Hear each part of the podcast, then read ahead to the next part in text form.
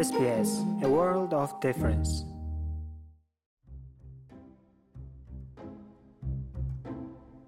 Сайн байцгаана уу ихэм сонсогчдоо. SBS Монгол хэл дээр хөтөлбөр маань энэ удаад вакцинтай холбоотой худал мэдээллийг зохицоогч чиглэсэн Австралийн нэгэн санаачлагын талаарх мэдээг олзож байна. Нийгмийн сүлжээний платформуд хүмүүсийн дуу хоолойгоо хүргэх маш том боломжийг нээж өгч байдаг.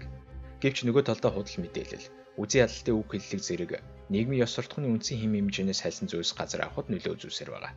Энэ нь данганц Монголч бус дэлхийн ихэнх орнуудад ковид цар тахалтай энэ хүнд үед тулгымцсан асуудлын нэг болоод байгаа билээ. Тэгвэл Австрали улсад байгуулагдаад удаагүй байгаа дархлаажуулалт, технологийн мэрэгжилтнүүдийн эвсэл ковид-19 цар тахлын талаар худал мэдээлэлтэй тэмцэх үүднээс шинэ хууль батлуулах шахалт үзүүлж эхэлсэн байна. Крис Купер бол захим нийгэм, арчлал тулгараад буй аюултай тэмцэх замаар амьдралаа залгуулдаг нэг.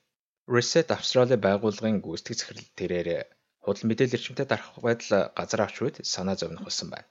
Түүний хэлж буугаар нийгмийн сүлжээний алгоритм нь COVID-19-ийн эсрэг вакцины талаарх элдв янзын цуурхал газар авах байдлыг улам өгшүүлж, австралчуудын мэдээний их усүрт давмгай барь эзлэх болсон гэнэ.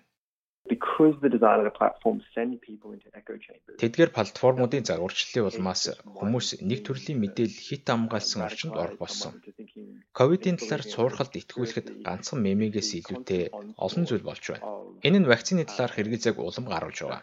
Өөрөөр хэлбэл эдгээр худал мэдээлэл нь хүмүүсийн вакцинд итгэх байдлыг улам бүрсүүлруулж, вакцинд хамрагдах магадлалыг нь давхар унгааж байна. Худал мэдээлэл нь маш их ихтгэл төрүүлэх үйс төрхтэйгээр тархдаг болохыг мөн ноён Купер хэлсэн юм. We've also seen the more sort of insidious content that Вакцины эсрэг сөрөг уруул үзүүлж буй явдал зэрэг худал үйл явдал дээр үндэслэх зэрэгээр эдгээр контентууд илүү залжин болж ирснийг бид харсан. Ялангуяа энэ төрлийн мэдээлэл нь вакцины эсрэг группүүдэд илүүтэй их тренд болж байна. Ийхүү захим орчинд вакцины талаар худал мэдээлэл нэмэгдэх болсон нь дархлаажуулалт, технологийн мэрэгчнүүдийн эвсэл байгуулахад хүргэсэн байна. Reset-ийн тэргүүлж буй энэхүү эвсэлд Австралийн дархлаажуулалтын сан, дархлаажуулалтын эвсэл, Коронавакс болон Австралийн COVID-19 эсрэг арга хэмжээний талаар мэдээлэл түгээхэд маш чухал үүрэгтэй судалгаа явуулж байсан доо хоёртын хүрээлэн ч гэсэн багтсан байна. Энэхүү эвсэл нь Facebook, Google зэрэг нийгмийн сүлжээний платформуудыг ил тод болгохын тулд улс төрчдөд шахалт үзүүлж байгаа юм. Цаг алдалгүй арга хэмжээ авах нь чухал гэдгийг дархлаажуулалтын эвслийн Ким Сэмпсон хэлж байлаа. Twitter компани Дональд Трампын хаягийг хэрхэн хаасантай л адил зүйл болох хэрэгтэй. Нийгэмд худал мэдээлэл түгээж эхэлбэл үүнтэй адил зүйл хийх хэрэгтэй байна.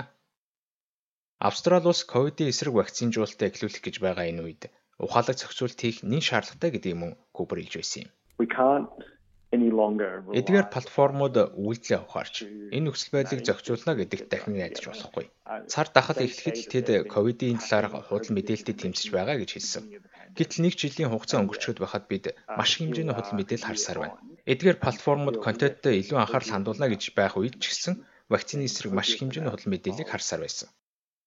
Шинэхэн эвслийн зүгээс холбооны парламент түргүүлсэн загталтаа технологийн авраг компаниудаар цаг үеийн жагсаалт гаргуулж байхыг хуулиар зохицуулах ёстой гэж үзжээ. Энэхүү жагсаалтад захим орчинд харсан коронавирустай холбоотой хамгийн хандлттай контентийг наривчилсан мэдээллийг оруулж авах ёстой гэнэ. Төсөөллөөр бол энэхүү жагсаалтыг томоохон нийгмийн сүлжээний платформудаас гаргаж тогтмол шинчиж байх бөгөөд сэтгүүлчид болон мэрэгжлийн хүмүүс үүнийг нь ашиглан худал мэдээллийг олдогдох явдал гэнэ. Ингэснээр бид нийтийн эрүүл мэндийн мэрэгчлэнүүдэд хүн ам зүйн мэдээлэл болон хандлтын талаарх эцсийн шатны мэдээлэл гаргаж өгөх боломжтой болох нь маш чухал асуудал юм. Энэ нь ч ямар мэдээлэл нийгмийн ямар хэсэгт илүүтэй тархаж байгааг харж болох бөгөөд үүнийг нийтийн эрүүл мэндийн чиглэл үр дүнтэй ашиглах боломжтой юм.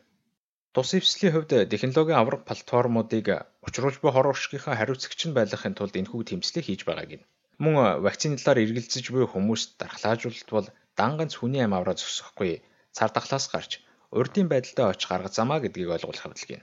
Түүнч холбооны засгийн газраас ч гэсэн COVID-19 эсрэг вакцины хийлгэхдээ эргэлж байгаа хүмүүс чиглэсэн маш их ажил хийж байгаа гэдгийг ерөнхий сайд Скот Моррисон мэдэгдээд байгаа.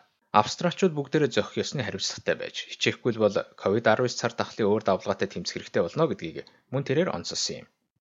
Again I thank Australians Австралчуудаа дахин талархаж байна. Энэ зам бид 3 дахь давлгаан зохиож болох байлаа. Яг л энэ цаг үед бид үүнтэй тэмцэж байж болох байлаа. Австралийн өдрийн дараагаар австралчуудын ажил сургууль эхэлж буй энэ мөчөд бид 3 дахь давлгааны эд дунд нь байж мэдэх байлаа. Харин бид үүнийг амжилтад авч чадсан. Цаашдаа үргэлжлүүлэн тэмцээр байх болно.